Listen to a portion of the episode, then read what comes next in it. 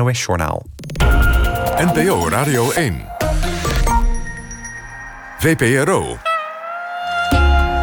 Nooit meer slapen.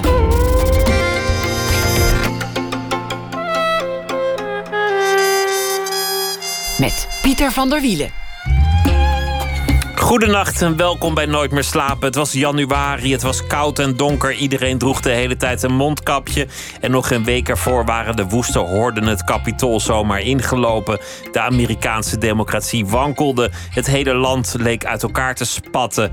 En toen kwam toch nog die inauguratie. Wonderlijk hoe weinig daarvan blijft hangen. Garth Brooks had een hoed op en een dikke riem om. Bernie Sanders had olijke wandjes aan en hij keek niet zo blij, zat een beetje onderuitgezakt. En wat Joe Biden zei, dat weet ik niet meer. Heb ik het vanmiddag teruggekeken, is het nu even na middernacht, ben ik het alweer vergeten. Maar gelukkig was er die dag Amanda Gorman. Het moment dat iedereen zich wel zal herinneren. Een skinny black girl, zoals ze zichzelf noemde. En zij vatte precies dat moment in de geschiedenis samen.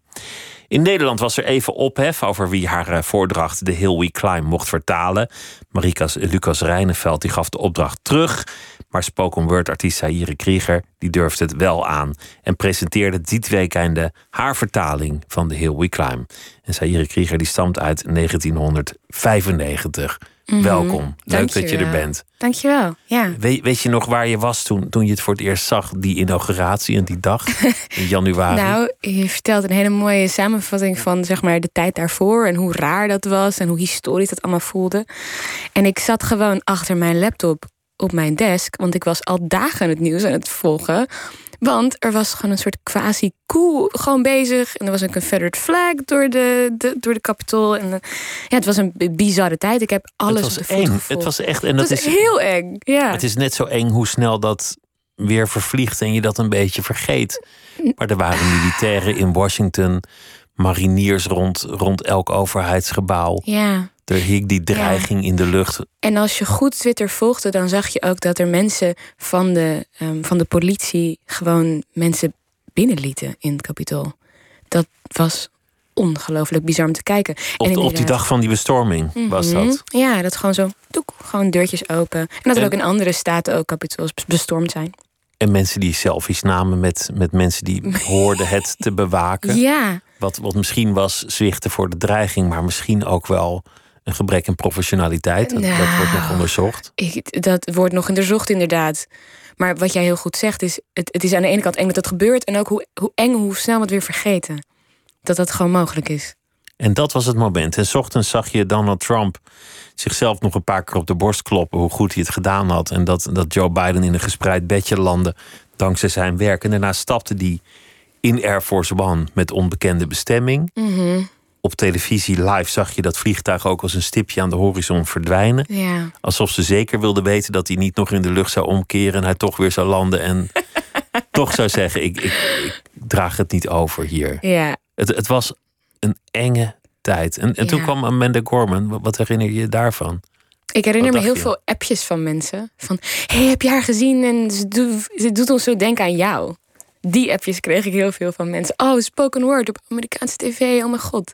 Dat Waar- was dat om- waarom mensen meteen aan jou dachten vanwege nou, spoken word? vanwege spoken word. Dus heel veel mensen die kennen me als spoken word. Het is dus familieleden en, en mensen van de kerk. En mensen die appten van... Hey, heb je Amanda Gorman gezien? En toen ik het zelf zag, dacht ik... Dit is heel sick. Dat zij er als 23-jarige mag staan. Dat is echt sick. Want eh, eh, zij is nu de derde ever zwarte vrouwelijke poëet die dat mag doen. En het is een ongelofelijke eer. En eh, het De derde zwarte poëet die, die op een inauguratie eh, ja, ooit. heeft gestaan. Ja, ja, ja. ja. Want, want er wordt geschreven, het is, het is een traditie dat er altijd een dichter bij staat. Maar Ja. bij mijn weten zijn er ook heel vaak geen dichters bij geweest. Dat, Meestal, ik, ik, meestal leef, predikanten. ik leef niet lang genoeg om dat te weten. Piet. En nou ja, ik, ik heb net toegegeven dat je zo'n inauguratie ook weer volledig vergeet. Dus Ja, dat is ook. Weet ja, ik weet wel dat, dat ehm, Donald Trump, die was altijd. Die, die sprak heel groot over de aantallen van de mensen die kwamen bij de inauguratie. en had de hele tijd ding. over America First. Ja, nou ja. Ja. Er En, zit en bij, bij Obama zong Aretha Franklin, dat was Ah, ja. memorabel. Zo blijft er altijd wel iets hangen. Iets hangen. Ja, ja, eens. Ja, eens. Nou ja, dus Amanda Gorman was het, het- hetgene wat het meeste bleef hangen. En daar, het was een samenkomst van haar persoon. Het feit dat ze haar gekozen hadden als jonge zwarte vrouw, dat is gewoon al heel erg speciaal. Haar kledingkeuze was ook heel erg soort van met opzet, dat gele en dat rode. En ze had ook blijkbaar, uh, ik geloof, dingen gehad van Oprah Winfrey, die haar meegegeven. Ja, en, uh, en wat ook memorabel was, was uh, Barack Michelle Obama, die ook binnenkwam in echt een outfit waarvan ik dacht, zo, damn, ja. En dan, dat is natuurlijk gewoon de factor die we geen van alle beheersen, charisma. je hebt het of je hebt het niet. Ja, dat is Amanda had charisma, wat dat Ja. ook zijn mogen. op Hoe dat 23-jarige ook leeftijd. werkt, ik weet het niet, maar dat was hier wel aan de hand. Z- zij, zij heeft een performance geleverd en die, dat, die, dat, die plek was even van haar. Dat, dat was even haar, haar plek.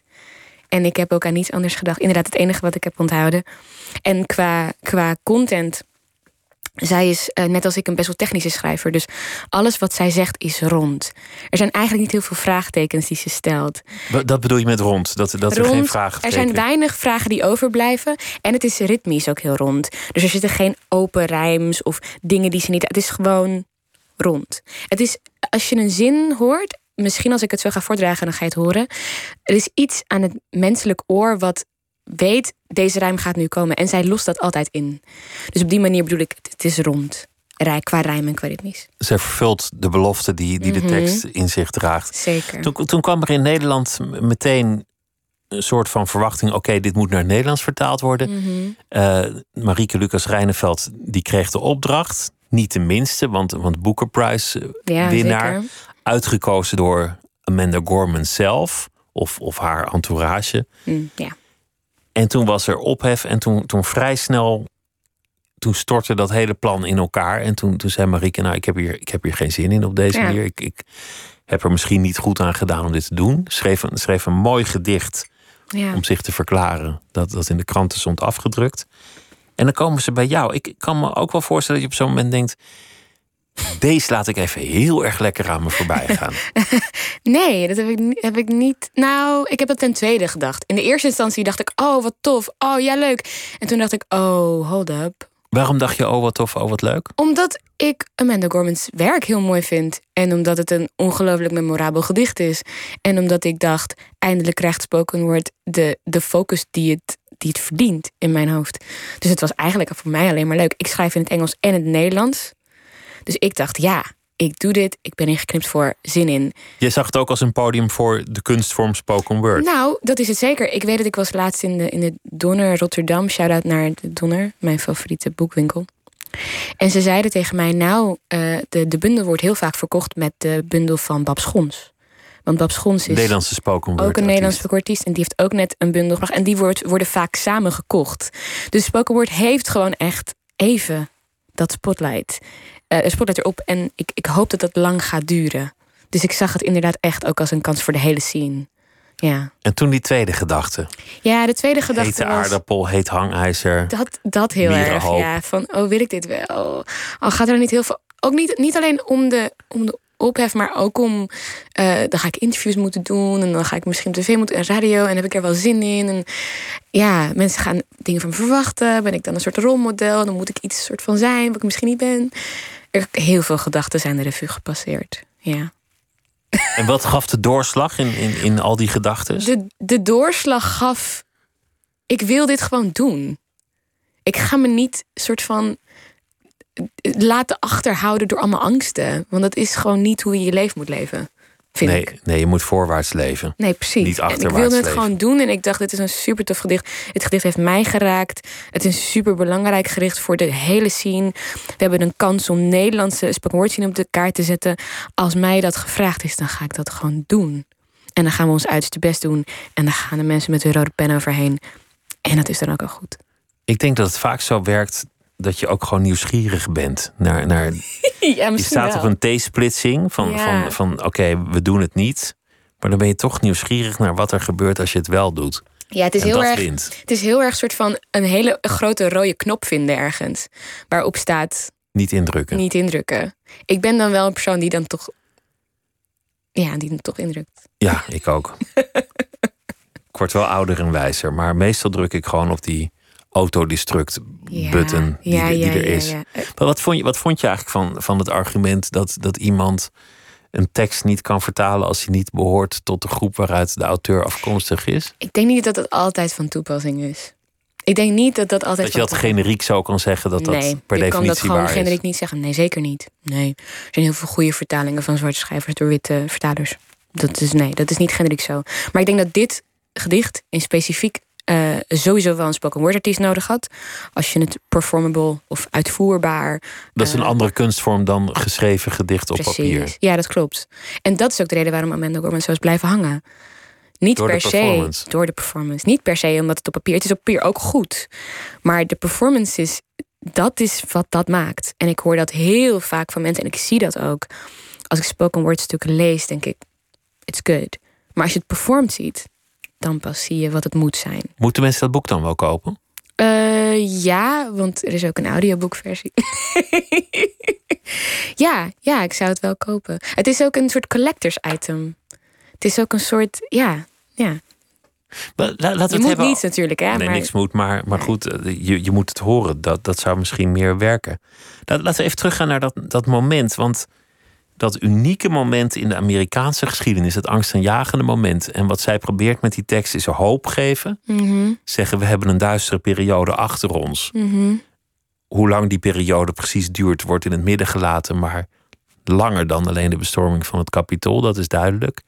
Ze probeert eenheid te brengen en ze probeert te zeggen van we hebben de kracht in ons als land Ja, om ons te verenigen en, en ons verleden achter ons. te achter laten. ons te laten. Ja, Maar dat is, dat is in dat land op dat moment. En, jij moet het dan een half jaar later in Nederland brengen. Dat, dat lijkt me een worsteling. het is niet per se een worst. Het is niet zo'n grote worsteling als je denkt. Als je beseft dat we zondag een woonprotest hebben gehad. En dat we al best wel een tijd in een formatieproces zitten. Dat er eigenlijk, wij hebben ook eigenlijk heel veel bergen te beklimmen hier in Nederland. Wij zijn er ook niet. Wij zijn er ook, nou, we zijn er sowieso niet. Maar het is ook wel echt specifiek, ook deze tijd voor ons is, is echt eh, heel speciaal. En ergens ook historisch, denk ik. Ik vond, je, vond jouw gedicht minder hoopgevend dan, dan dat van Amanda Gorman. Waar, waar zij eigenlijk Dat kan een soort, soort euforie aanroept. Van nou ja, oké, we hebben dit overwonnen. Dus, Hmm. dus vanaf hier komen we naar, eh, naar het licht. Ja, en waar las je dat in? De, de niet zo hoopvol? Eh, nou, bij, bij jou gaat het aan het eind toch, toch meer ook alsof je wil duidelijk maken aan de mensen. En ik vind, het moeilijk om dat precies, dat ik niet Ja, het hele aan mijn hoofd heb geleerd. Ik wil Maar heel graag weten waar je dat las, omdat ik... Ik wil gewoon heel graag weten. her- herken je er iets in? Ik herken er wel iets in, maar dat heeft ook te maken met de Nederlandse taal. In de zin van, eh, ehm, als je iets in het Nederlands wil opvoeren, werken bepaalde Amerikaanse emoties niet zo goed. Het klinkt, het kan, het kan een beetje, en dan ga ik een Engels woord moeten gebruiken, het kan een beetje cringy klinken. Als je dingen soms ehm, eh, eh, met, die, met die bravoure deelt in het Nederlands. Wij zijn, de taal, de Nederlandse taal is heel nuchter. Dus je, eh, het is ook een taal die zich veel meer in de kunsten ook naar nuances leent. Dus dat is net even een andere aanpak. Maar ik heb ervoor gekozen om het in het Nederlands eh, net zo mooi te maken zoals het in het Nederlands kan zijn. Als ik het zo mag zeggen. Ik, ik, het kan, je kan bijna niet in de Nederlandse context dat gedicht net zo hoopvol maken, omdat het niet dezelfde ta- taal is. En het fascinerende aan taal, en daarom hou ik zo van taal, is dat het niet alleen culturen vangt, eh, maar ook dit soort dingen vangt. Het feit dat wij gewoon nuchterder zijn. Dus als ik het dus zou het zou- opvoeren, als, het zou gewoon niet helemaal werken in het Nederlands. Als je, het, als je het heel letterlijk zou vertalen, dan, dan zou het hier gewoon raar worden. Het, Wij- wij sowieso nuchterder- zouden heel veel letterlijke dingen niet werken, want, want heel veel spreekwoorden hebben we gewoon niet in het Nederlands. Dus je moet daar aanpassingen aan maken. Maar in de performance vooral. Ik vind het grappig dat je zegt dat je het leest, want ik vraag me heel erg af waar je het leest. Maar in de performance ben ik wel iets minder hoopvol dan zij is. Ik ben iets serieuzer dan zij is, denk ik. En dat ligt aan de Nederlandse taal en als mij als performer. Ja. Heb je wel hetzelfde gevoel van hoop? Dat, dat, dat zij toen had van nou jongens, vanaf hier komt het goed. Nou, ik denk dat dat. Ik, nou, nee. Het antwoord is nee. Dat is het kort antwoord. Het lange antwoord is dat ik dat heb gehad. Ik heb het gehad. Maar ik denk dat dat door het jaar heen een beetje weggeëpt is. Omdat ik denk dat we in Nederland gewoon echt een, een, een, een, een, een, een meertallige crisis zitten we. We zitten in een, een pandemie, we zitten in een wooncrisis. In, dus het gaan gewoon heel veel dingen mis. Dus het is heel moeilijk om een soort van hoop te houden. Wat dan heel leuk is, is om haar gedicht dan weer terug te lezen. Of de performances terug te kijken. Of performances van andere spoken artiesten te gaan kijken. Dat doe ik soms. Gewoon om weer hoop te krijgen. Heeft haar gedicht betekenis voor ons? Kan het, kan het ons iets bieden? Ehm, ja.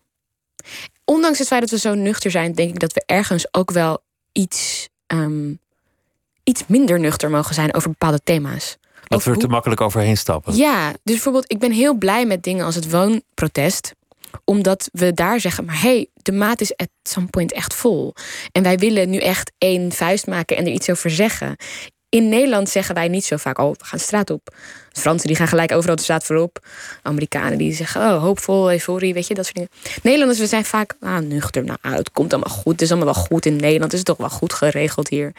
Maar ik denk dat die, die, dat vuur waar zij het over heeft, van wij zijn één en we moeten één vuist maken, we moeten één stem maken. En weet je, we moeten geloven dat democratie nooit verslagen wordt, dat idee. Uh, daar, daar moeten we ook wel even in geloven we moeten ook weer echt samen gaan komen. We moeten gaan geloven dat dingen maakbaar, veranderbaar, et cetera zijn. Exact. En niet dat ze voor ons gemaakt worden. Daar moeten we vooral afstappen. Want ik denk Volgens mij zijn, is die jongere generatie ineens enorm aan het demonstreren geslagen, juist de laatste maanden. Ik denk dat dat, ja, dat denk ik wel, ja. En ik denk dat dat heel goed is. In Frankrijk ken ik mensen die gaan elke zaterdag standaard demonstreren. En dan zeggen ze. Waarvoor demonstreren we morgen eigenlijk? Weet jij dat al?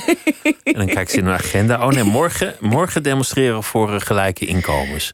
Ja. Maar in Nederland is het, is het nu. Nou ja, je had, je had het. Uh, voor, voor de nachtsector en nu, nu mhm. voor, voor het wonen. En uh, Black Lives Matter is natuurlijk een, mhm. een, flink aantal manifestaties ja, geweest. Zeker. Dus die sfeer komt erin. Ja. Wat, wat waren de moeilijkste zinnen voor jou om te vertalen? Wat zijn de worstelingen geweest? Uh, heel, echt best wel veel worstelingen. De eerste worsteling was gelijk al de titel. Omdat ik dacht, ik kan nu, ik kan nu de berg die wij. Climb. Ja, de hill we climb. Ik kan nu doen de berg die wij beklimmen. Maar dat vind ik, dat vind ik een cop-out, zeg ik dan tegen mezelf. Cop-out. Wat is dat? De, de cop-out is dat een berg die wij beklimmen. Uh, het is zeg maar, je, um, je ontwijkt eigenlijk. Je ontwijkt het ideale beeld. Dus je gaat voor de makkelijke optie, terwijl je eigenlijk wel verder dieper daarin kan gaan. Dus de berg die we beklimmen, dat is heel letterlijk dat vond ik bijna te letterlijk. Ja, de heuvel die we beklimmen. Bijvoorbeeld, dus ik heb gespeeld met de heuvel of de obstakel of beklimmen, dus dan bestijgen of die wij uh, bevechten. Of, ik heb allerlei versies zijn er doorheen gegaan, maar uiteindelijk is het gewoon de berg die we beklimmen geworden. Maar ik heb wel met heel veel verschillende dingen gespeeld, ja. en dan, en dan de, belly of the beast. Oh god. De belly of the beast is, dat, is, dat, is heel. Ja, Heel Amerikaans. Heel Amerikaans, maar ja, dat zeggen wij het hol van de leeuw, denk ik. Hol van de leeuw. Ik heb toch buik van het beest en het komt een alliteratie behoud. En dat is, een, dat is een, een afweging die je dan maakt. Zal ik dan hol van de leeuw doen? Buik van het beest klink. Rijm is lekkerder, alliteratie is lekkerder. Toch voor buik van het beest gegaan. Wil je een stukje voordragen? Dat ga ik doen. Ik ga even kijken. Um, Je doet het vanaf de, de mobiele telefoon. Ja, dit is mijn. Ik ben nu in de Google Doc werkversie. Dus hier zitten ook allemaal comments en dingetjes in. Oké, hier gaan we. We zagen een macht.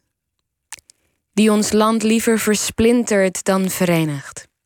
Die ons volk zou verwoesten als dat democratie zou vertragen. En die poging was bijna voltooid. Maar al kan democratie tijdelijk uit het veld geslagen worden, verslagen wordt ze nooit. Wij vertrouwen op deze waarheid, op dit geloof. Want terwijl wij staren naar de toekomst, houdt de geschiedenis ons in het oog. Nou, dit klinkt, dit klinkt al toch wel Amerikaans. Het heeft wel die, die ja, sfeer. Maar dus wat je, wat je dus heel erg merkt, wat ik, wat, daarom wilde ik dit stuk laten horen, omdat jij zegt, en die poging was bijna voltooid je hoort de nooitrijm bijna. Je hoort hem aankomen. En dan, dat lost ook weer in. Dus dat is wat ik bedoelde met rond. Om even terug te grijpen naar het begin van ons gesprek.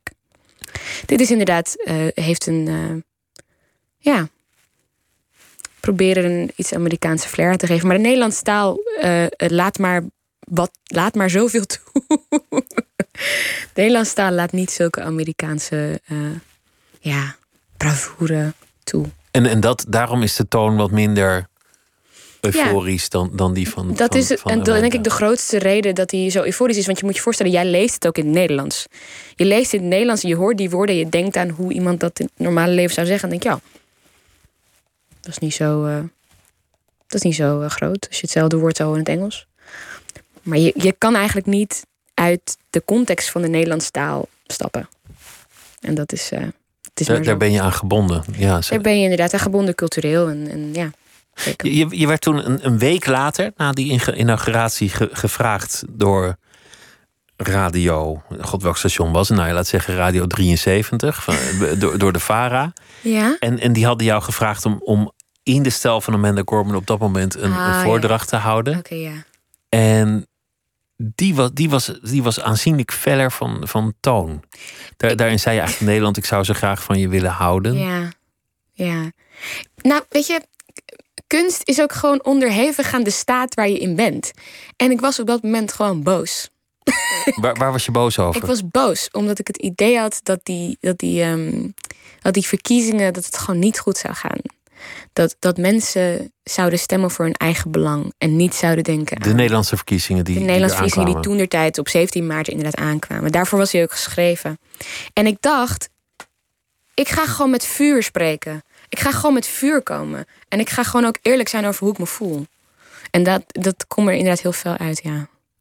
Wat je eigenlijk zei, is alle verontwaardiging van de afgelopen jaren over de toeslagenaffaire en, en, en andere dingen. ja. Als je het echt zo voelt, dan moet je misschien dat potlood eens op een ander vakje zetten wanneer je in het stemhokje staat. Exactly. Ja. Dat is niet echt gebeurd, geloof ik. Hè? Want uiteindelijk heeft iedereen toch min of meer hetzelfde gestemd. ja, het is een lange adem, hè, verandering. Lange adem. Heel veel gedichtjes schrijven. Val- Valt het voor jou samen met activisme? Ja, zeker. Je, je, je kunst? Ja, 100%. Ja, ja, zeker. Altijd, vanaf het begin. Nou, niet altijd. Nou, kijk, het is natuurlijk ook hoe, hoe kader je activisme. Ik bedoel, als ik een liefdesgedichtje schrijf, is dat activisme. Nou, nee, bijna per definitie niet, toch? Eh, sommige mensen zouden zeggen van wel. Hangt vanaf op wie je verliefd bent, zou ik nog kunnen, kunnen proberen. there you maar go. Ja, nee, precies. Dus op wie je verliefd bent en, en, en, en eh, of dat kan altijd, of dat geaccepteerd is altijd, dat kan activisme zijn. Eh, sommige mensen die zeggen tegen mij, als jij rust neemt, dan is dat activisme. Want in deze kapitalistische samenleving moeten we altijd doorwerken. Dus als jij rust neemt, dan is dat actief activisme. Dus ja, hoe kader je activisme? Dus de hele dag in bed blijven liggen kan ook gewoon Kan. activisme zijn. Eh, Nou ja, als ik nu in bed ga liggen, dan is dat heel actief. Ja, dan, dan denk ik meteen aan, aan Lennon en, eh, en Yoko Ono. Maar Ja, ja, precies. Nou ja, eh, mijn, mijn, mijn gedichten of mijn werk is begonnen uit activisme, ja zeker. want, want jouw voornaam, Saïre, je, Mhm. je bent vernoemd naar het Afrikaanse land. Ja. Toenmalige Zaire, ja. en dat, dat deed je moeder ook uit activisme. ja. Wat, wat, was er, wat was er toen aan de hand? Nou, toen ik in 1995 geboren werd, toen was eh, de Rwandese genocide had een soort overspel naar Zaire. En het is, ik denk, in de hele eh, geschiedenis van de Verenigde Naties soort van de grootste schande geweest dat zij gewoon de handen over de ogen deden en niet keken alsof In 94 toen dat in Rwanda 94 toen gebeurde. gebeurde. Toen had het een overspel in Zaire. En Zaire, de geschiedenis van Zaire is heel fascinerend. Als je ooit tijd hebt, dan moet je dat vooral doen. De geschiedenis van Zaire opzoeken. En ehm, toen zei mijn moeder, nou, ik wil gewoon dat... Ik wil, ik wil dat mensen dit herinneren. Ik wil dat mijn kind iemand wordt die spreekt voor degene die geen stem hebben... en naar wie niet geluisterd wordt. En toen noemden ze me Zaire. Het was Kenia, ze vulde mijn vader, of Zaire. Ze moest kiezen tussen twee Afrikaanse landen. Ze hebben ze toch Zaire gekozen. Dus, dus daarmee was het activisme al een beetje in jouw leven besloten eigenlijk. Nou, ik denk dat ik denk dat ik altijd wel thuis heel erg heb meegekregen. Dat ik gerechtigheid heel erg heb meegekregen thuis. Dus dat we iedereen eerlijk behandelen. En, en dat iedereen die bij ons thuis kwam, die, die, weet je, die kreeg altijd de helft. We deelden altijd. Er was nooit geen ruimte voor mensen bij ons thuis. Ehm, dus dat heb ik wel heel erg meegekregen. Ja, Een soort generositeit, ja zeker. Ja. medemenselijkheid. ja, zeker. Ja. Je, je hebt ook wel eens over, over je moeder gedicht in een, in een performance. ja. En daarin hekelde je ook een beetje aspecten van de opvoeding. Want. Ja. omdat omdat je zei van ja, mam, je hebt me ook, ook grootgebracht, ondanks al je activisme, met, met een vrouwbeeld dat achteraf gezien eigenlijk helemaal niet deugt. Ik denk dat, ik denk dat een van de beste quotes die hierbij past is: You have to change to stay the same. Het staat op de Willem de Koning Academie in Rotterdam. En wat, wat daarmee bedoeld wordt, is: Mijn moeder was activistisch voor haar tijd. Maar wat ze mij weer doorgegeven heeft, is niet meer activistisch. Dus je moet soort van veranderen om activistisch te blijven. En dan word ik, ik word opgevoed met bepaalde ideeën. En mijn moeder is ook ergens heel erg vurig en is ook ergens een klein beetje een dolomine. Maar ze heeft ook zelf dingen geïnternaliseerd die ze mij ook meegeeft die eigenlijk niet kloppen. Weet je, inderdaad, benen dicht is ook een beetje Surinaamse cultuur. En dat is weer een heel lang gesprek, wat we ook wel uren Maar, over maar benen praten. dicht wil zeggen, blijf maagd. Laat dat niemand Ja. bij je komen. Dus dat, ja, dat. Want, dat want wie gaat de melk kopen als die ook gratis te krijgen is? Wauw. Dat, dat, dat zei je in, Ja. in die voordracht. Ja, dat, ja, dat is wel. Ik ben opgevoed ook christelijke ideeën. Ja. Want, want, je, want je moeder was, is christelijk. Mhm. Hoe, hoe, eh, hoe christelijk was jouw opvoeding? Eh, wij zijn wel elke zondag naar de kerk gegaan. Ehm, ja, hoe christelijk is mijn opvoeding? Er werd thuis gebeden. Ik heb heel veel hele goede gospelmuziek ben ik mee opgevoed. Ehm, En ook Ja. performance, want ook, ook spoken word. Dat hoort eigenlijk ook een beetje bij, bij Ja, een kerk, toch? ja, zeker ook wel. Mijn eerste spoken word performance was ook in de kerk. ja, En dan, dan een, een christelijke tekst. ja, christelijke tekst. Ja, ik heb heel erg, ik heb heel veel geluisterd naar heel veel christelijke rappers. Eh, naast de MF Dooms en de Zwart heb ik ook geluisterd naar de Propagandas en de Beautiful Eulogy. Dat zijn allemaal ook wel kritische christelijke rappers. Dus het staat ook op een soort van grijs gebied van mensen die, van rappers die zich heel erg uitspraken over de dingen die gebeurden in de kerk die ze niet zo goed vonden. Dus, dus ik, ik heb heel lang gezocht naar een, een plek in het christendom waar ik me thuis voelde. En dat, die weg is nog steeds niet helemaal klaar. Ehm, Je bent nog steeds op zoek naar een- plek in het christendom waar je je thuis voelt. mentaal gezien. En, en ja, het is een beetje moeilijk uit te leggen. Ik ga naar een hele leuke kerk waar ik me heel erg thuis voel. Ehm, maar ik denk dat het altijd een beetje. Ik, in, in, in, laat het zo zeggen. In zo'n donkere wereld is het altijd moeilijk om hoop te vinden en moeilijk om te blijven geloven in God soms. Dus ik vecht heel veel met God. En de donkere wereld is gewoon de wereld waarin wij De wereld waarin leven. we nu leven, het is ook, ja. ja. Het is makkelijk om te zeggen wat een verdorvenheid. eh, Precies. Ik zie geen licht, ik zie geen hoop, ik zie geen God. Precies. Ja, dat is heel makkelijk om te zeggen. Het is heel makkelijk om te zeggen, maar waarom gebeurt dit als God bestaat? Als u bestaat, waarom gebeurt dit? Waarom gebeuren slechte dingen naar goede mensen? Waarom? Ja, ik heb daar heel lang mee, ge, mee gestruggeld. Er zijn natuurlijk ook heel veel geloofsrichtingen die ook aardig duistere fantasie eh, Ja, op de mens projecteren. ja, ja, dat klopt ook. Dat we allemaal eigenlijk geboren zijn om in de hel te komen en dat er maar een paar gered zullen worden. Ja, ja, ja, dat klopt. Hoe, hoe vond je moeder dat toen je die, die performance deed waarin je haar opvoeding hekelde? Hoe, hoe viel ik, dat heb, bij haar? ik heb dat, nou, eh, grappig, eh, ik heb dat haar nooit verteld. Ik weet niet zo goed of ze die ooit gezien heeft. Maar hij staat op het wereldwijde web. Oh, nee, mijn moeder is niet zo vaak op het wereldwijde web. Misschien heeft ze hem wel gezien, maar het- ik denk dat mijn moeder en ik hebben een gecompliceerde relatie waarin wij ook wel elkaar de ruimte geven om, om eh, elkaar soms niet zo leuk te vinden. Dat is gelukkig wel. dus als mijn moeder dit zou zien, zou ze zeggen: Nou, ik ben het niet met je eens, maar ja, ik vind het leuk. Ik vind het religie heel leuk. Ik hou toch van je. Ik hou toch van je, precies. Denk niet dat ze. Denk niet Maar dat heb je, heb je nooit dat gesprek gehad over, over, over seksualiteit en over hoe je bent We opgevoed? hebben die, die gesprekken heel vaak gehad. Maar ik, ik denk soms dat. ehm, ik denk dat het voor mij heel erg belangrijk is geweest om gewoon te kunnen zeggen: we zijn het gewoon oneens en dat is oké. Weet je? Ik ga niet vechten met mijn moeder om haar mening te veranderen. Dat is ook gewoon niet. Het is gewoon niet. Hoe ja. kon je dan jezelf bevrijden? Eh, naar Rotterdam te verhuizen. Gewoon verhuizen en daar je, je eigen weg te vinden. Ja, letterlijk. Ik ben gewoon verhuisd. Ik ben op mijn 17 uit huis gegaan. Heel jong. Ja. Om maar jezelf te ontdekken. Ja, om mezelf te ontdekken. En eh, ik, ik heb mezelf soms gevonden en soms niet. Dat geldt voor de meeste mensen, denk ik. Dat geldt voor, ja, nee, gelukkig wel. Daar ben ik niet de enige in. Maar dat, dat activisme over, over vrouw zijn en, en feminisme, dat is wel altijd een deel van, van je werk gebleven. Ja. Zeker. Dat is wel voor jou echt een groot thema. Ja, 100 procent. Ja.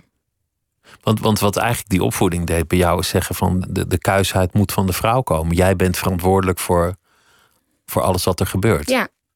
Ja, die, 100%. die, die, die kerels kunnen het niet he- helpen, Nou, maar jij moet je benen bij elkaar Ik zal je maar houden. zeggen, het, het zit in iets heel simpels als dat je op een familiefeestje bent en dat er gezegd wordt: kom je even helpen met koken tegen jou en tegen je andere nicht. Maar alle neven die blijven gewoon zitten. Dat soort hele simpele dingen, daar zit het hem al in, hè? Is dat iets Surinaams? Dat is niet alleen Surinaams, weet ik. Ik heb ook Nederlandse witte vriendinnen die, bij wie dit ook gebeurt. Ik heb laatst, laatst pak met vriendinnen, die had gewoon een chef in de familie.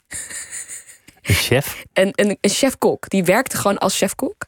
Maar zij werd wel altijd gevraagd om te helpen koken. Oh, dan, op dat moment dacht hij, ja, dacht ik me vrij. Ja, misschien wel. Maar het was ook een beetje cru. Omdat het ook wel zoiets van... Wauw, het vrouw zijn gaat dan toch boven het feit dat je gewoon... Een soort van...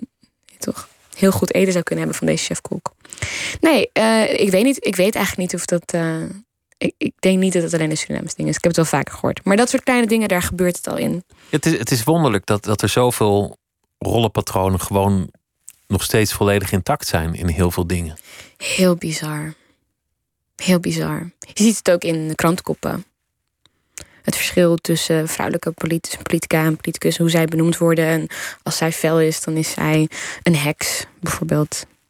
Of emotioneel, Emotioneel, inderdaad. Ja. boos. Ze wordt kwaad. Ze springt uit haar vel. Terwijl als, als Mark Rutte dan iets zegt, is nou, hij is heel, heel tactisch en heel erg retorisch, heel sterk. Ja, wat eh, stoer van hem. Die verschillen zijn inderdaad.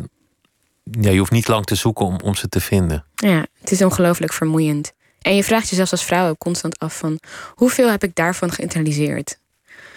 Ben ik nou eigenlijk mezelf ook kleiner aan het houden... omdat ik weet dat mensen mij kleiner gaan houden? Ben ik... Moet ik iets feller zijn? Moet ik gewoon een die bitch zijn?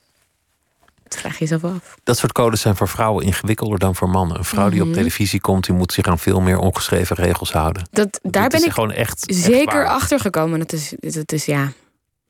Dat is maar een beetje wat het is.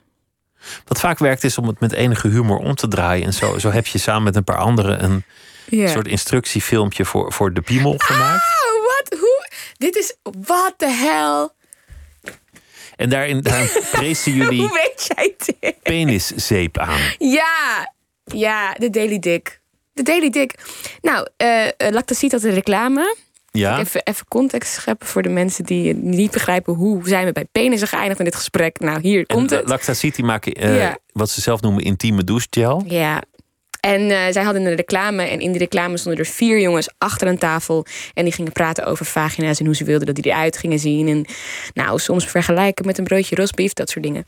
En toen dachten wij, eh, wij gaan een, een reclame maken voor peniszeep. Gewoon het helemaal letterlijk Gewoon omdraaien. helemaal omdraaien, kijken wat er gebeurt. En dan, toen kregen wij comments. En dan heb je ze inderdaad. Dan zie je hoe, eigenlijk hoe raar het is. Hoe raar het is dat wij intieme douchegel aan vrouwen verkopen... terwijl je gewoon met eh, lauw warm water gewoon ver genoeg komt. Waarmee je eigenlijk een soort, soort gevoel van schaamte of onzekerheid opdringt Mhm. aan, aan jonge vrouwen. Of misschien Ja. ook aan oudere vrouwen. Maar Nee, ja, mensen zeker. jong zijn, zijn daar vatbaarder voor. Het hele idee dat vrouwen altijd soort van heel erg schoon en heel erg netjes moeten zijn. En als een man dan dat niet is, dan is het maar grappig of zo. Dan is hij. Het is een soort van de, de, sit, de sitcom dad ook, dat hele idee van die man die is eigenlijk een beetje incompetent. Het is eigenlijk een soort groot kind. En dat vinden we allemaal oké. Dat, dat is heel bizar om te zien hoe dat eigenlijk nog steeds wel een beetje ingebakken is. Dat de man een beetje onopgeruimd mag zijn en morsig en Ja, incapabel en, en- onbehouden. Ja, er is een video van Jimmy Fallon waar hij vaders vraagt: wat is de, wat is de verjaardag van je kind? Of wat is de favoriete kleur? Of, of het beste vriend? En dan weten al die vaders niet. En dat is dan een soort grap. Maar het is eigenlijk heel bizar. Want als je dat aan vrouwen zou vragen en zij zouden dat niet weten, dan zouden wij allemaal moord en brand schreeuwen. Dan zouden dat slechte moeders en slechte Ja, echtgenoten zijn. Precies, maar de, de, het, het is, we zien het bijna niet omdat het ons zo vaak verteld wordt dat het zo hoort te zijn. Pas als je het omdraait, dan zie je het inderdaad. Jouw- jouw vader was, is regisseur. Mhm. Die, die, eh, wa- wat voor regisseur? Natuurdocumentaires. In het Amazonegebied. Nou, dat vind ik de meest eervolle tak van, van media maken die er bestaat. Ik denk, ik denk stiekem dat ik. Mijn vader heeft echt lang geleden heeft hij dingetjes in Hilversum gedaan. Volgens mij is hij bekeerd daarvan. En zei hij, ik ga gewoon terugtrekken in de natuur, joh. Ik heb er geen zin in. En ik begrijp die man soms wel. Wat, wat kan jij herinneren van, van toen je klein was? Van, van, je vader en Mijn van zijn vader? werk? Eh, mijn vader deed toen der tijd eh, heel veel regie in echte studio's, ook live en zo. Wat ik me heel erg eh, herinnerde is dat hij gewoon wist wat hij wilde. Hij had heel erg een visuele. Hij, hij speelde de film gewoon af in zijn hoofd en ik keek er altijd heel erg tegenop. En hij werd altijd wakker in de ochtend en had hij allemaal ideeën voor reclames. Ging allemaal inspreken, had hij zo'n voice note. En dan ging het allemaal inspreken van dit is voor een schoenenreclame of dit is voor dit en dit is voor dat. Ja, dat is wat ik me herinner van mijn vader. Jij, jij hebt het ook gezien. Jij bent dan ook als klein meisje in die studio geweest. Ik, ik nam mijn skielers altijd mee. Dan ging je En dan rolschaatsen. ging ik rolschaatsen opzetten. dat ja. vinden productieleiders heel leuk als iemand Nee, die vonden dat verschrikkelijk, maar ik deed het wel. En er waren, was er een andere, ehm, een andere cameraman die had ook zijn kind mee. Dus dan ging ik spelen met die jongen, dus kleine jongen. Ja. Maar, maar je lijkt een soort vertrouwdheid te hebben met, met media en met camera. Misschien dat het daardoor komt. Ik, ik, ehm, ik probeer gewoon zoveel mogelijk mezelf te zijn. In zover dat kan. Ja. Jezelf zijn wil nog niet zeggen dat je goed overkomt op tv. Dat is nou net de hele truc. Dat, dat een camera ook een soort Ja. vertekening biedt. Ja. Ja, dat is een goed punt. Dat is een heel goed punt. Ik weet het niet, joh. Ja, het kan liggen aan misschien dat ik, dat ik opgevoed ben rond camera's. Ehm, Dus bewust van, van wat een camera Kan voor zijn. Nou, kan bieden. precies, nou, ik wist, ik weet nog dat ik als meisje eh, zag ik zo'n set. En dan was er een close-up van een tafelgast. En dan was er iets mis met een draadje onder een tafel. En dan ging er iemand onder die tafel, maar die camera die ging dan gewoon close-ups doen, want dan hoefde je dat niet te zien. En ik weet nog dat ik als klein meisje heel snel door had van: oké, die camera, dat is misschien maar 5% van wat je daadwerkelijk ziet. Dus ik was me wel heel snel bewust van inderdaad de vertekening ervan. En er kunnen heel veel andere dingen gebeuren dan, dan wat het daadwerkelijk is. Dus daar ben ik me wel heel snel bewust van geweest. Ja, Van hoe, hoe beelden kunnen ontstaan en gemanipuleerd worden. ja, ja, ja, ja, ja, zeker. En hoe leuk het ook is als, als je regisseur bent om daarmee te spelen. Dus als je dan toch, als je weet van oké, eh, als ik dit close-up, dan lijkt het op iets anders. Daar kan je heel hele leuke dingen mee doen. Als je begrijpt hoe het brein en het oog werkt. Inderdaad. Ja. Angstenjagen is dat heel veel mensen daar niet echt een concept van hebben. Dat ze, dat ze best goed gelovig zijn Ja. waar het gaat om televisie. Dat valt me wel vaak op.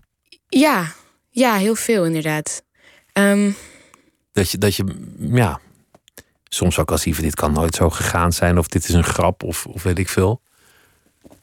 ja.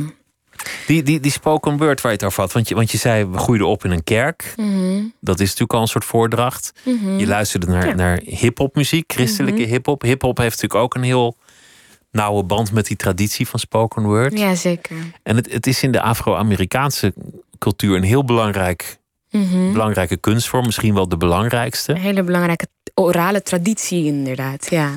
En, en dan heb je dus die, die kerkvoordracht. Mhm. Je hebt gewoon wat later hip-hop is geworden, de, de poëzievoordracht. Ja. En je hebt nog een ander, dat is de roast. Dat, dat is tegenwoordig. Ja. Tegenwoordig is dat in heel veel formats uitgewerkt. Maar dat komt Ja. echt uit die Afro-Amerikaanse cultuur. Dat, Dat, je heb het je gewoon heel zuiver gezegd. Ja. even heel erg lekker de waarheid kan zeggen. Mhm. Met veel humor, met veel ja. slang. Ja. Misschien doet dat ook wel. Eh, heb je wel eens een roast gedaan nog? Ik heb het idee dat Nederland, ik wil van je houden, gewoon een roast van Nederland was. Nou, dat, dat, dat zeg je eigenlijk best wel goed, ja. Ja, ik Volgens mij roast. was dat het. Ik, ben, ik, denk dat, ik denk dat ik ergens, ergens een soort van uitlaatklep had in spoken word. Dat ik wist van, oké, als ik het in een als ik het gewoon laat rijmen, Dan kan het ineens dan allemaal. kan het ineens allemaal. Ja, net een cabaretier. Als je het gewoon mensen uit lachen, dan kan het allemaal opeens. W- wanneer stond je voor het eerst op een podium? Wan- Wanneer ging je voor het eerst met taal aan de slag? Ik was echt heel jong. Echt heel jong. Ik heb, ik heb als kind op de muziek, muziektheaterschool gezeten. Mijn eerste ever ehm, eh, rol was een palmbam. Een palmboom? Een palmbam. Dus dan moest je de hele tijd stil blijven staan als Ja, nee, volgens mij had ik wel tekst. Maar ik was vooral heel boos, want ik wilde eigenlijk een kabouter zijn. Maar dat was op de muziekschool in Amsterdam-Noord. En dat was de eerste keer dat ik op, op podia stond. Echt als heel jong meisje. En mijn moeder die schreef ook theaterstukken voor de kerk. Dus dan speelde ik daar ook vaak in en zij acteerde ook heel veel. Dus mijn hele, wij zijn allemaal mensen, we houden van podiumkunst en taal en, en, en beeld. Dus, dus het was voor jou vanzelfsprekend dat het iets met een, een voordracht zou worden of iets met nou, podium? Nee, niet per se. Ik heb namelijk gewoon rechten gestudeerd. Ik dacht, ik ga mijn drama en een soort van toneeldingen, ga ik, ga, dat ga ik in, in voordrachten in, in een courtroom. Dat is ook, ook, een soort theatrale setting, het is, toch? Het is 100% een theater. Ik denk, dat, ik denk dat dramales heel veel kan helpen aan menig advocaat. Ja, nee, um, uh, ik dacht dat ik, dat ik dat daar zou gebruiken. Ik had eigenlijk nooit verwacht dat ik spoken word zou doen als een soort van fulltime baan. Dat is echt een enorme verrassing voor mij. Hoe, hoe is dat gegaan? You tell me. Ik, um, ik werd door Gershwin Bonifacia ooit gevraagd in 2018. En Gershwin, dat, dat is een, een, Ameri of een Amsterdamse ja. spoken word artiest. Hij, is, hij was de stadspoëet uh, van Amsterdam.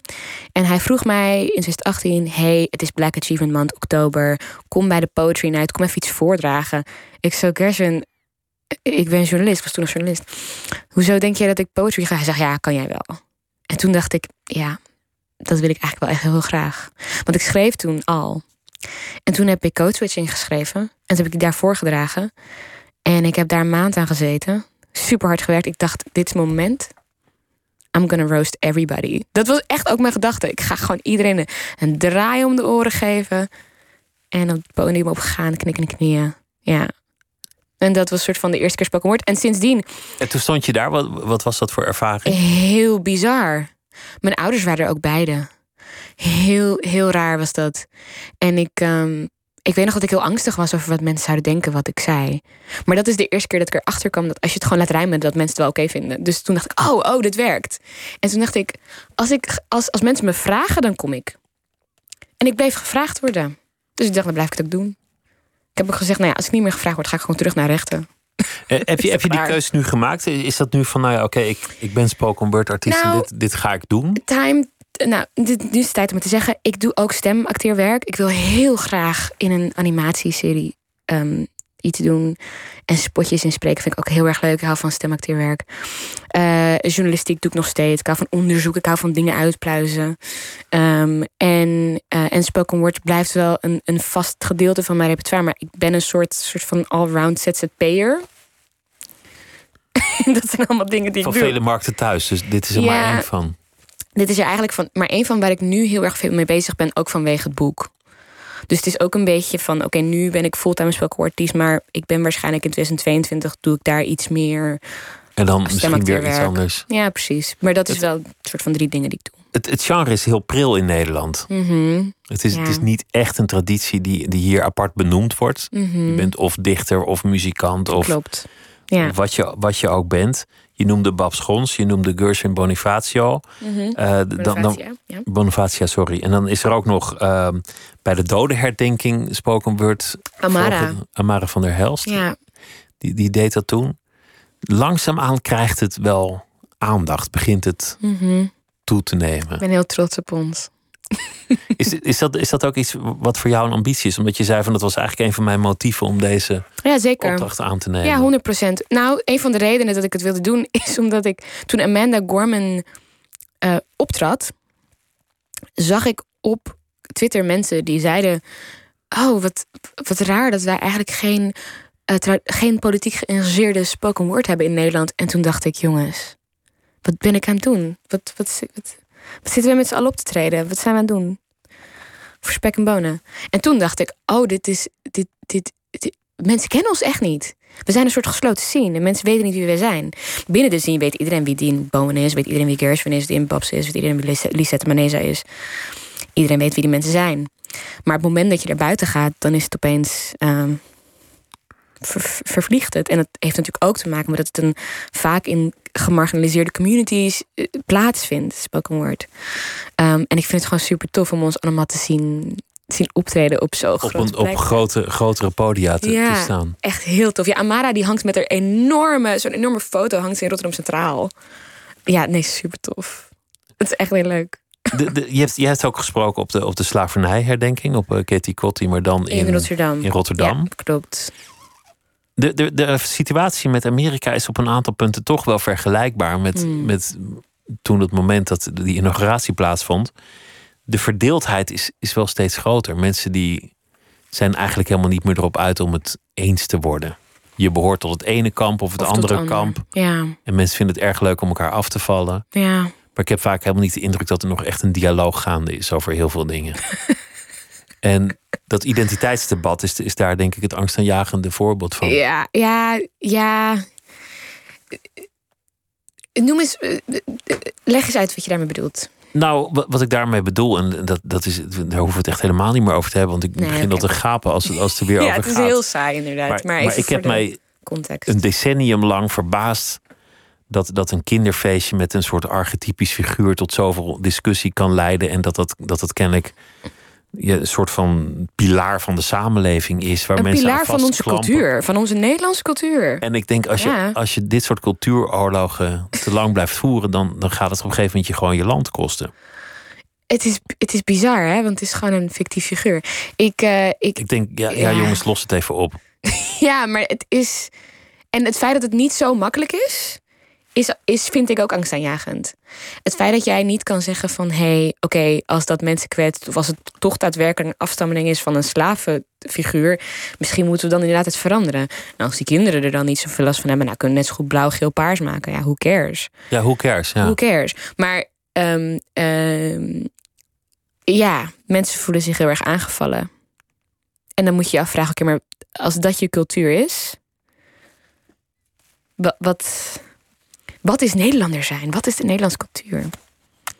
Heel veel vragen heb ik daar opeens over. Maar, maar jij stond daar op Kitty Kotti en toen probeerde je eigenlijk duidelijk te maken van jongens, dit is dat verleden. Ja, Dit, dit is Ja. dat verhaal. ja, ja, ja, ja, ja. Heb, heb je dan de hoop dat je, dat je mensen bereikt, dat je, dat je mensen overtuigt die dat nog niet zijn? Ergens wel. Ik heb toen, toen ik, hem, toen ik het stuk Tikoti eh voordroeg op de slavernij, denk ik van dit jaar, heb ik er zelfs een stukje aan toegevoegd. Waar ik het heb over, ehm, over de slaaf als persoon. Dat we hebben het over slaven of tot slaaf gemaakt. En dat is een enorme groep mensen. Maar dat waren gewoon individuen. En die, die, die hadden relaties. En die hadden favoriete eten van het weinige eten wat ze hadden. En een favoriete kleur. En die stonden elke dag op. En die zagen een blauwe lucht. En die hielden van een Die had, dat waren mensen. Met zoals jij en ik. persoonlijkheden. Met persoonlijkheden. En ik denk dat kunst een hele prachtige eh, eh, eh, kans heeft om dit soort verhalen te, te, te vermenselijken en zo te vertellen. En het, als je je dan bedenkt dat er mensen zijn geweest, zwarte zeelieden, die naar Nederland werden gehaald onder het, onder, onder het voorwendsel dat zij de koning zouden ontmoeten, maar toen Zwarte Piet moesten spelen met pakjes. Ja, dan denk je opeens: is het het waard? Is het waard om deze reliquie te houden in onze Nederlandse samenleving? Is dat het waard?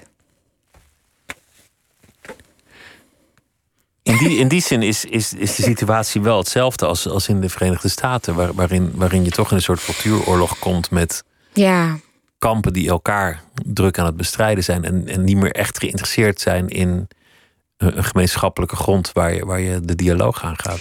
Ja, ik weet niet. Ik vind, ik vind dat moeilijk. Want ik denk met Zwarte Piet vind ik het heel vermoeiend om dialoog aan te gaan over dit soort dingen. Vooral als je de historie weet. Ik heb een scriptie geschreven over Zwarte Piet. Ja, we, we hoeven het niet per se op Zwarte Piet van toepassing Nee, te achter, maar je kan eigenlijk elk in, voorbeeld. gen- als, je- ja, in general, er zijn wel sommige voorbeelden waarvan ik denk.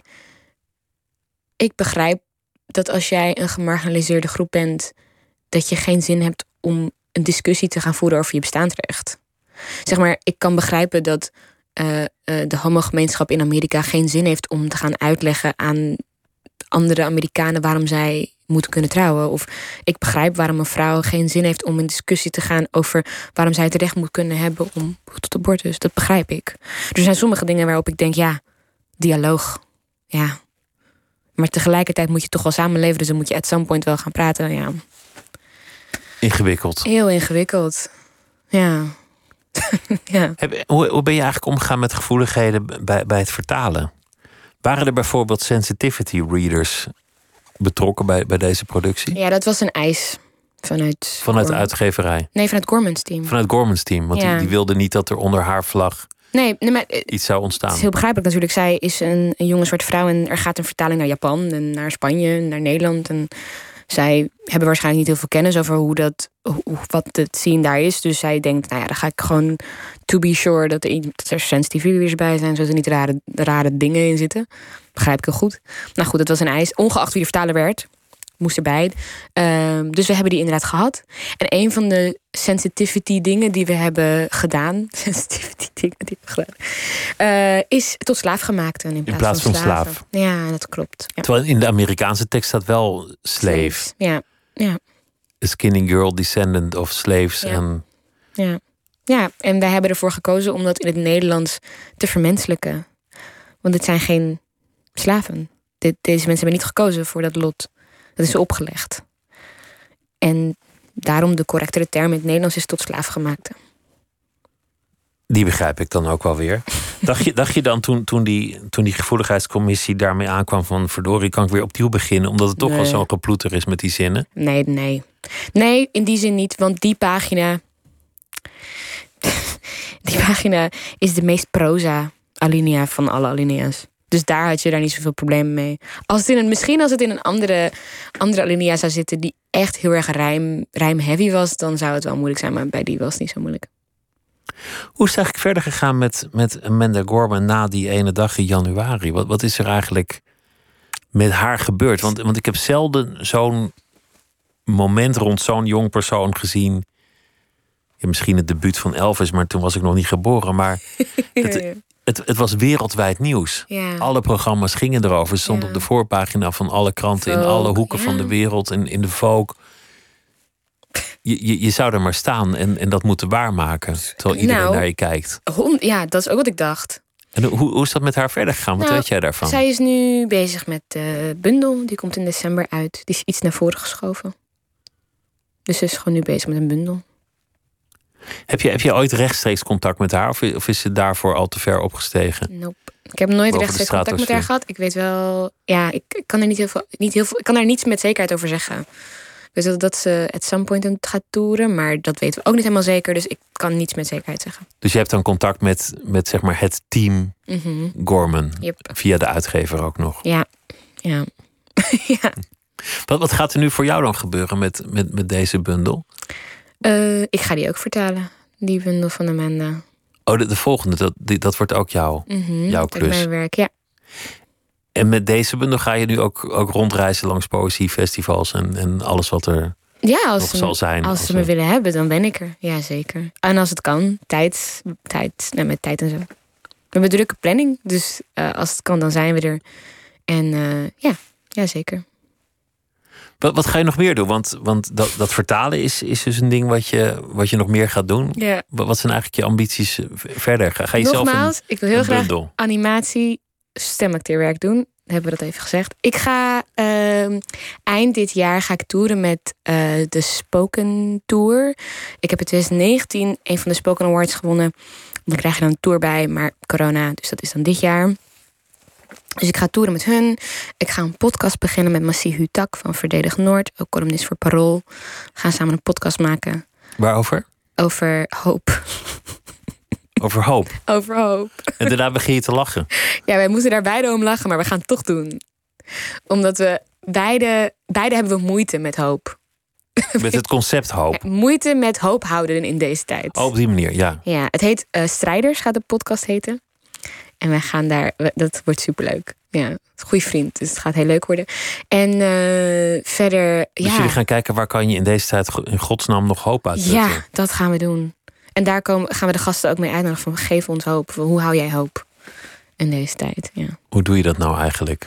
Ik zou het niet weten. Hopelijk gaan we erachter komen. Heb je, heb je al iets gehoord van iemand? Van wie? Wat, wat hoop kan geven? Want je had je hoop gevestigd op de verkiezingen toen, Ja. toen in januari. Ja. Ik weet het niet, man. Ik, eh, ik, eh, ik heb geen antwoord van mensen gehad over hoe ik hoop kan houden. Ik probeer zelf dagelijks eh, ehm, hoop te houden in de kleine dingen. Dus ik ben heel blij om hier te zijn, bijvoorbeeld. Dat is ook hoop. Ik ben de eerste van vele spoken word artiesten die zo'n grote klus krijgt. Klein beetje hoopvol. Amara die mocht eh, de, hoe heet het, ehm, De dode de herdenking, doen. doen. Beetje hoopvol. En Amanda Gorman daar stond ook een beetje hoopvol. Dat zij even die, die deur open trapte als 23-jarige. Dat is ook een klein beetje hoopvol. Savannah Simons, eerste zwarte vrouw. Eerste zwarte lijsttrekker, partijleider in de Kamer. Beetje hoopvol. Die woonprotesten, beetje hoopvol. Kleine dingetjes. Eigenlijk is er ook best wel veel dingen waar je hoopvol over kan zijn als je er naar zoekt. Ja, volgens mij moet je altijd in kleine stappen denken. Ja. Als je meteen denkt van ik wil een ideale wereld waarin, waarin iedereen een groot huis heeft en gelukkig is en gezien wordt. En, en uh, ja, dan, dat is een hele grote stap. Het is inderdaad, ja. Maar wat zo jammer daarin is, is het verval gaat zo snel. Het, verval opbouwen van, gaat zo moeilijk. Van het land bedoel je? Ja, nou, dus het gaat gewoon heel. Het, ja, hoe leg ik dit uit? Um, als dingen fout gaan, gaan ze heel fout, heel snel. Het opbouwen van iets kost weer heel veel tijd. Begrijp je wat ik bedoel? Je bedoelt, Rome is sneller gebouwd of sneller afgebroken dan gebouwd? Ja, precies. Of, of, of eigenlijk zo'n beetje alles. Slopen is zo gebeurd. Ja, ja. En daarom is het makkelijker om, om het slopen en, en de chaos te zien en te denken: oh, kut, alles gaat fout. En dan de kleine, kleine stapjes zijn moeilijker te vinden. Ja. Vooral op social media. Hoe bedoel je dat? Nou, ik denk dat, tenminste, ik spendeer heel veel van mijn tijd op social media. Best wel veel. Eigenlijk te veel. En eh, vooral op Twitter zie je gewoon echt veel dingen langskomen waarvan je denkt, god, ook Afghanistan. denk je, oh nee, weer.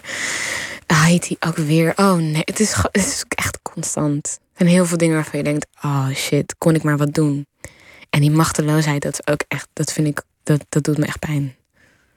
Daar kan ik bijna niet mee omgaan omdat je bent grootgebracht met activisme en, en dat je. Ja, ik ben, ergens, ik ben ergens ook opgegroeid met soort van de, de. Dat is ook hoe ik internationaal recht inging. En heel veel mensen internationaal recht en internationale betrekkingen ingaan. Uh, dat wij de wereld gaan veranderen. dat jij met die bachelor of die master, dat je de wereld gaat veranderen. En dan kom je in die studie en dan zie je als moment denk je, oh shit, nee. Kan ik helemaal niet. En dat vind ik heel moeilijk. Dus, dus ik probeer ook in kleine stapjes te denken. One poem at a time. Nou, dit, dit was uh, een van de kleine stappen. Het verschijnen van deze bundel. En het is, uh, het is een bundel, moet ik nog even bijzeggen, in twee talen. Dus je krijgt de oorspronkelijke tekst en de vertaling. Wat natuurlijk voor de vertaler iets spannender is als iedereen de hele tijd kan gaan zeggen van hoe heeft ze dat nou precies ja, vertaald? Ja, zeker. Goed gezegd. Mensen gaan een close reading doen. The Hill We Climb. En die is uh, vanaf heden verkrijgbaar. Saire Krieger, dankjewel, dankjewel dat je langs wilde komen. En ik wens je heel veel plezier en succes met alles. Dankjewel. En hoop, natuurlijk. En dit was Nooit meer slapen voor deze nacht. En morgen dan komt uh, Sylvia Mullaert Bonde op bezoek. Want binnenkort verschijnt Mijn moeder wil mijn naam niet weten. En dat is een uh, boek over haar familiegeschiedenis. Straks mis podcast met Milou Brandt. En daarin is eh, cabaretière Danielle Schel op bezoek. Dit was het voor vannacht en tot morgen.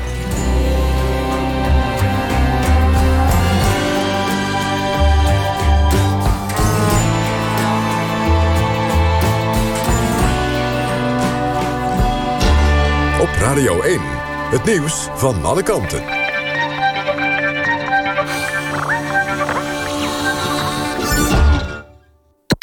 NPO Radio 1.